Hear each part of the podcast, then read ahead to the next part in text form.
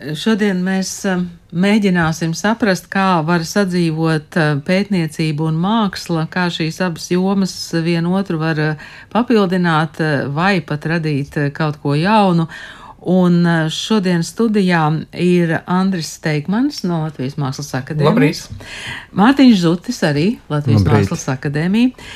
Diana Zandberga, Jāzep Vītola Latvijas Mūzikas akadēmija. Labrīt. Un Ivo Briedis Latvijas Kultūras akadēmija. Labrīt.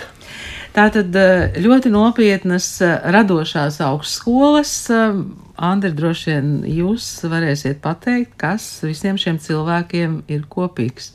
Nu, kopīgs ir tas, ka mēs šobrīd visi strādājam valsts pētījuma programmā pie pētniecības. Un, uh, mēs šobrīd, šī daļa cilvēku, kas ir pulcējusies kopā, strādā vēl īpašā šī valsts pētījuma programmas sekcijā, kas ir veltīta pētniecībai mākslā ar mākslinieciskiem izteiksmes līdzekļiem, kas ir saistīta ar profesionālajām doktorantūras studijām, kuras ir izveidotas apvienotā kopīgā programmā trijās mākslas akadēmijās.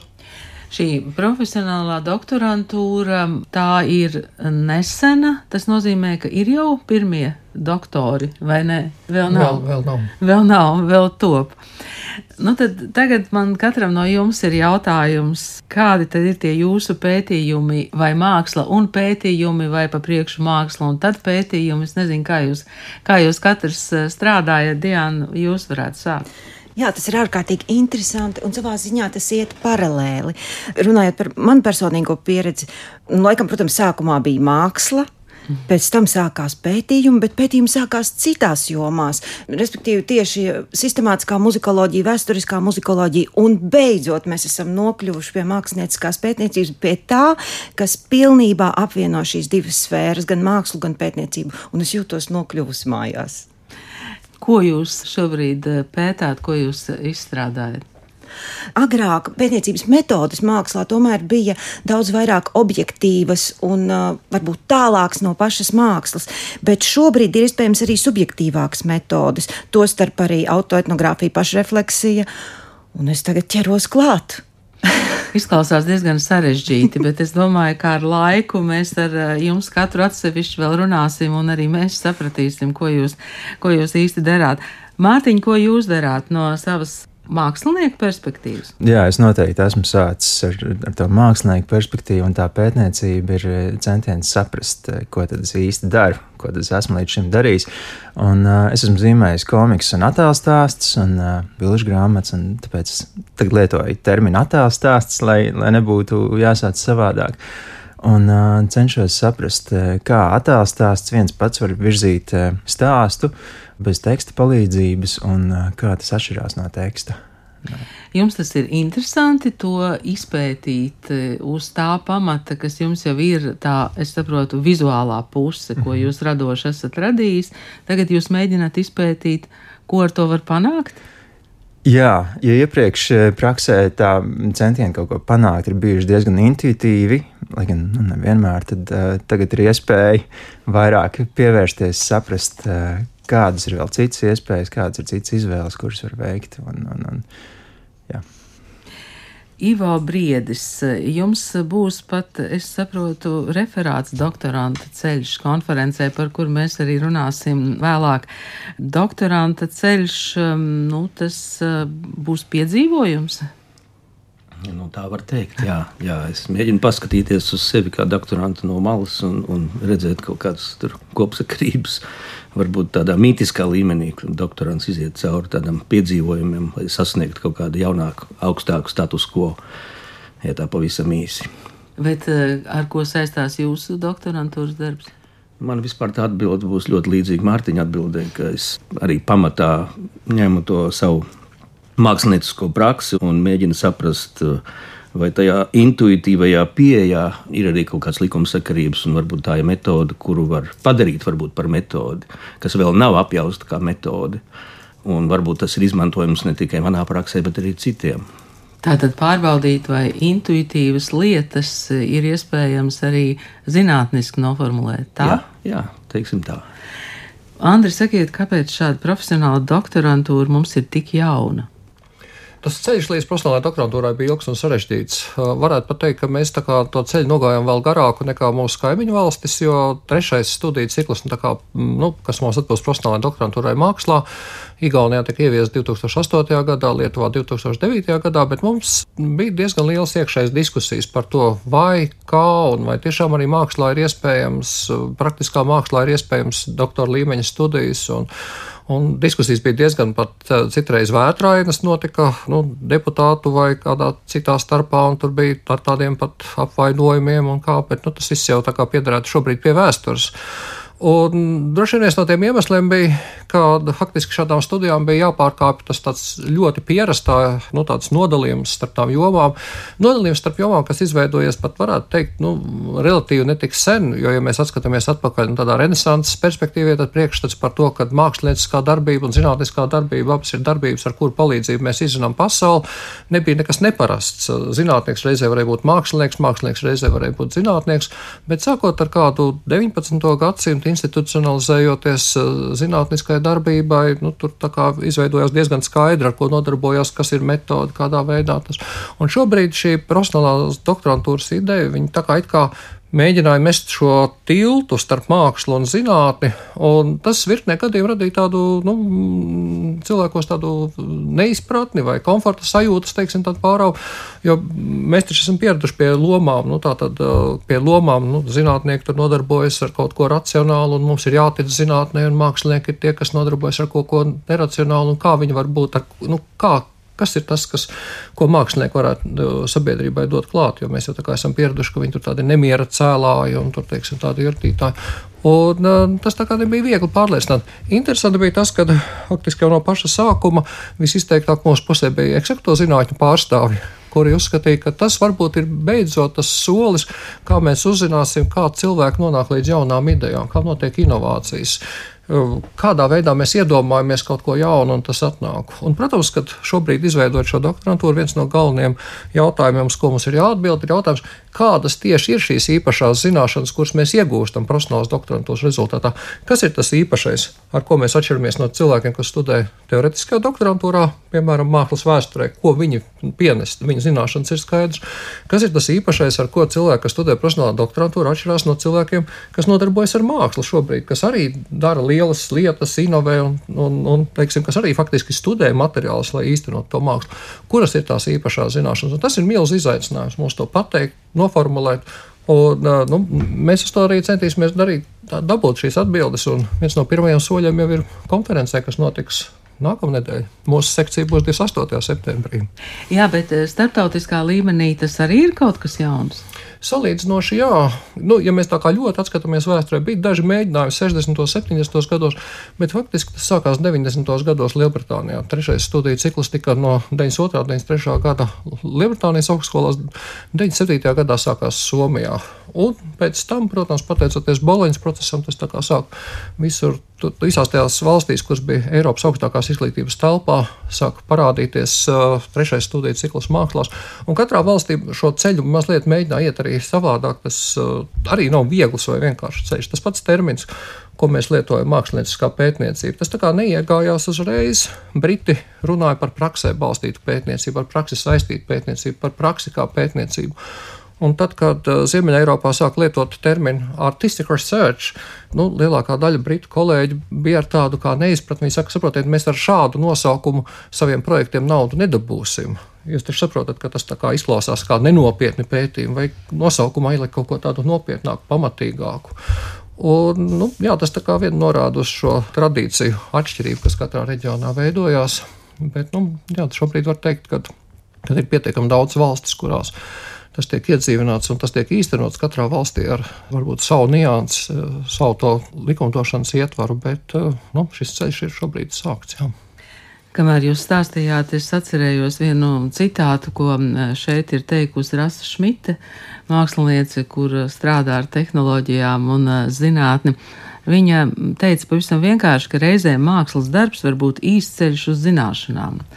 Man šķiet, ka tas eh, varētu ļoti piedienēt eh, jūsu doktorantūrā, bet kāpēc jūs katrs no jums izšķīrāties, ka jums ir vajadzīgs šis trešais līmenis? Nu, hmm.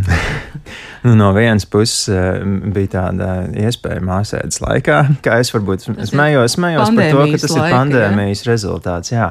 Bet uh, materiāls un interese par uh, manis paša pētāmo tēmu jau krājās kaut kur datnēs jau labu laiku, un uh, nevienā brīdī nebija nebija tā iespēja tam piesaisties, aiziet uz bibliotēku, palasīt. Un tad gal galā tā iestāšanās doktorantūrā ir tā iespēja, ka tev ir nolikti termiņi, un nu, tagad, tagad ir īstais brīdis, kad eh, ķerties un lasīt un rakt. Un tā doktorantūra struktūrē laiku, ja? Jā, tieši tā, un, un plus vēl piešķir eh, pāris eh, darba vadītājus, kuri cenšas bīdīt visas priekšā. Jā, jūsu izšķiršanās. Mans uh, stāsts pilnībā ilustrē Teikmeņa kunga teikto. Es uh, nu, visu laiku nodarbojos ar muziku, ar mākslu. Un pirms 20 gadiem es sapratu, ka man ir jāraksta disertācija, bet es uh, to gribēju darīt Latvijā, kaut gan tajā laikā es studēju gan Spānijā, gan Itālijā. Un man nebija iespēja studēt tieši mākslu, nu, respektīvi pašu praktisko mākslu. Un tādēļ man nācās studēt muzikoloģiju. Līdz ar to šīs divas sfēras manā dzīvē gājušas paralēli.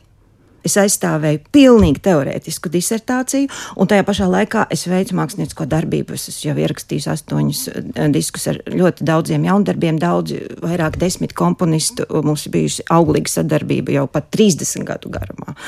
Lūk, un tikai tagad, beidzot, pēdējos gados, es esmu sapratusi, ka tās divas lietas ir divas puses, ka tā ir sintēze. Un tagad ir ļoti liels spēks to visu apvienot ar milzīgo teorētisko bagāžu un arī ar praktisko. Un e, var rasties cita līmeņa mākslas darbi. Arī tā, jā. Jā, šobrīd jā, top jauni darbi, kuros ir iesaistīti dažādu mūzikas e, un dažādu mākslas jomu pārstāvji un aicināsim uz koncertiem. Ivo, vai jums e, taps jaunas lugas vai nē? Nu, šobrīd es to balstu uz jau esošu lūgu, kas šobrīd arī tiek iestudēta Rīgā. Nu, tā tā lūga vai izrāde jau ir bijusi izrādīta citur, bet nu, šobrīd, 1. oktobrī, gaidām pirmsrādi arī, arī šeit. Tas būs viens no tādiem pamatiem. Kā un, to sauc? Uh, normālu torti lūdzu, tas notiks Anglikāņu baznīcā. Un, un es domāju, nu, tā metode, kuru es nu, esmu līdz pamatā pētījumam, nu, varbūt uh, es tā paredzu, ka būs vēl viena izrāde ar vācu kolēģiem par šo tēmu, kā, bet par to vēl pārāk runāt. Jums ar tas bija pandēmijas laika projekts, iesākums? Nu, var, varētu būt, varētu būt, varētu ja? būt arī, jā, bet nu, arī bija ieteikumi no kolēģiem, akadēmijas kolēģiem, ka, ka, un būtībā jau tā vēlēšanās arī iekšējā kaut kā padarīt savu pašu domāšanas procesu mazliet sistēmiskāku, un šis jau nu, ir tas process, kas to nu, ļauj panākt. Es domāju, nu, vismaz uz to virzienu norāda. Jo man, man līdz šim, manuprāt, nepiemīt šī sistēmiskā domāšana, un tas reizēm traucē. Es ceru kaut kā ielikt sev mazliet rāmjos, lai saprastu vispār. Nu, piemēram, šī pētnieciskā tēma, kas man ir, tas ir tāds dramaturga funkciju paplašinājums, ka dramaturgs nav tikai kas sēž mājās un kaut ko raksta, bet viņš ir gatavs arī iziet skatītāju priekšā. Uh, Un, un, un kaut kā es esmu novērojis, ka man liela laukā viss šī vēlēšanās to darīt. Šis metastāsts ir klātesošs arī pamatstāstam. Un kāpēc? Es līdz šim nebiju sapratis, un tagad es mēģinu to saprast. Vai tas, ka ir dažādu jomu cilvēki, kas eh, studē šo doktorantūru, vai tas arī ienes kaut kādu jaunu radošumu? Jā, es domāju, ka jā, un šajā gadījumā nu, domāju, nav lieki palielīties ka šāda programma arī Eiropas augstākās izglītības telpā ir unikāla. Eiropā ir daudz augstskolas, kur ir kopā māksla, mūzika, teātris, viena augstskolā. Bet pat šādās augstskolās, doktorantūras programmas šādās augstskolās ir atsevišķas šīm jomām. Mums ir šī unikālā pieredze, ko mēs esam izveidojot kopā vienu programmu trim mākslas un kultūras universitātēm, kas ir katra atšķirīgā jomā. Mēs to darījām apzināti, lai ar domu, ka doktoranti varētu bagātināties viens no otras jomas un teiksim, iegūt pieredzi par metodēm, kas ir saistītajās jomās, un tas varētu rast jaunus, kaut kādas inovatīvas atziņas. Un es domāju, ka tas līdz šim šī sadarbība ir bijusi veiksmīga, bet tad ir jāprasa kolēģiem un doktorantiem. Jūs sajūtat citas radošas spēkus? Protams, mums top projekts, kurā ir iesaistīta gan mūzikas akadēmijas doktorante, gan mākslas akadēmijas doktorante. Un, tas būs tā kā koncerts, kurā būs gan mūzika, gan choreogrāfija, gan vizuālā māksla, gan gaismas dažādas. Un, un tas ir tāds praktisks piemērs. Bet, protams, galvenais tagad ir uzkrāt pieredzi arī citās Eiropas augstskolās, kā notiek šie, šīs profesionālās doktorantūras studijas. Rīt es dodos uz vienu aizstāvēšanu, es ielūgtu uz Sibelijus akadēmiju. Tā gan būs tieši mūzikas joma, bet, nu, ārkārtīgi svarīgi, jo jau pēc diviem gadiem pienāks brīdis, ka iespējams mūsu doktoranti būs gatavi aizstāvēšanai. Tā kā mums jau jāsāk laicīgi domāt. Jūs pieminējāt konferenci, tātad um, konferenču sērijā 27. un 28. septembrī tiks prezentēta valsts pētījuma programmas projekta Kultūras kapitāls kā resurss Latvijas ilgspējīgai attīstībai rezultāti. Mm, diezgan sarežģīts uh, nosaukums, bet varbūt tā pavisam īsi, ko šī konference nozīmēs. Šī konference arī ir viens tāds uh, būtisks atskaites punkts, uh, ne tikai trīs mākslas un kultūras universitāšu sadarbībā, bet arī Latvijas Nacionālās bibliotekas un Latvijas Universitātes uh, mākslas, literatūras un folkloras institūtam sadarbībā, tātad piecas institūcijas sadarbībā, veidojot šo pētījumu par to, kāda tieši ir kultūras nozīme cilvēku attīstībā, tautas attīstībā. Es negribētu lietot šo terminu cilvēku resursu vai cilvēku kapitāls, kas bieži vien tiek lietots tādā birokrātiskā, formālā valodā, bet kāda ir tieši kultūras nozīme tautas, nācijas attīstībā, mūsu kā sabiedrības attīstībā, kāds ir kultūras ieguldījums tajā, lai veidotos sabiedrības ilgtspēju. Mūsdienās arī nemazāk svarīgs cits faktors kā drošumspēja, kā pētījumi, kas ir veikti piemēram par 19. un 20. gadsimta mīju kā šie pētījumi, nu, kā, kāds ir šiem pētījumiem pienesums mūsdienās. Un svarīga sastāvdaļa arī, protams, ir šie pētījumi, kas ir orientēti uz mūsu nākamajām prasmēm. Līdz ar to arī, protams, šī mūsu sadaļa šajā konferenču sērijā 28. septembrī, kas notiek Kronvalda Bulvārī 4 kur ir tieši šī sekcija, kas ir veltīta metodēm, metodēm kas tiek pārnestas no pētniecības uz māksliniecisko praksi un, un šo metožu izmantojumam. Un, jā, man liekas, arī kolēģi, kas piedalīsies konferencē, arī var katrs pat raksturot, dot tādu īsu spīkeru, ko viņi sacīs šajā konferencē. Jā. Ko jūs sacīsiet, Mārtiņ? Uh, nu, es, es fokusēšos arī tieši uz metodi, jo e, iepriekš minēju, ka tas pētījums raisās ap attēlu stāstiem un komiksiem, un uh, kā attēls, kā sekvence var kaut ko pavēstīt. Metode ir intervijas. Es intervēju citus attēlu stāstu praktiķus, lai neteiktu māksliniekus, un uh, intervijā izmantojam arī zīmējumu. Mēs kopīgi zīmējam stāstu. Tas gan, tas gan ir tāds dažkārt izaicinājums, par to es arī sīkāk konferencē varu pastāstīt. Bet, uh, jā, mums notiek divas intervijas paralēli. Tas ir tā kā šeit, ja mēs sēdētu pie galda, bet mēs arī padot viens otram lapu, uz kuras mēs zīmētu vēl vienu interviju, kas notiek uz papīra. Un, uh, tādā veidā ir iespējams sarunā reflektēt par to, kas, kas notiek uz, uz, uz papīra. Un, uh, tas mērķis visam gal galā ir izzināt uh, dažādas pieejas, citu mākslinieku, kā viņi veido attēlu stāstu, kādām izvēlēm viņi piešķir vērību lai to kādu dienu varētu apkopot tādā materiālā, kas būtu noderīgs gan man, gan arī citiem ilustratoriem. Jūs padevāt ideju, mēs kādreiz šeit studijā arī varētu pamēģināt paralēlās mm. intervijas. Ivo, jūs tā tad runāsiet par to doktoranta ceļu, jā? Ja? Jā. nu, labi, mazliet noslēpumaini, bet es saprotu, ka tur būs uh, dažādi pavērsieni. Un uh, jūs, Diana? Es mēģināšu mest tiltu un atbildēt kaut vai sev uz jautājumu, vai šīs mākslinieckās pētniecības metodēm ir jēga, ko tas dod jaunu, zinātne un māksla, un raksturot, kādas ir tās metodas mūzikā. Nu, un kā praktisku piemēru es mēģināšu analizēt, reflektēt arī par savu pēdējo albumu Latviešu klavēra ainavas, kas iznāca šī gada pavasarī, kurā ir iekļauti 13 latviešu komponistu darbi, tos starp 8 jaunu darbi. Un kādā veidā, lūk, šīs sinerģijas starp atskaņotā mākslinieku un komponistu, kā palīdz radīt kaut ko jaunu. Bet, protams, ka galvenais būs metodas. Jā, paldies jums. Man vēl jautājums, vai šai konferencē varēs sekot arī Facebook kādā tīklā vai nav zināms? Jā, protams, būs, ja? būs tiešraides pieejamas gan Facebook, man liekas, vēl arī Nu, tā tad, ja kādam ir interesi, noteikti varēs atrast. Paldies jums šodien par sarunu. Šeit studijā bija Andris Teikmanis, Mārtiņš Zutis, Ivo Briedis un Diāna Zanberga. Paldies jums! Paldies jums! Paldies.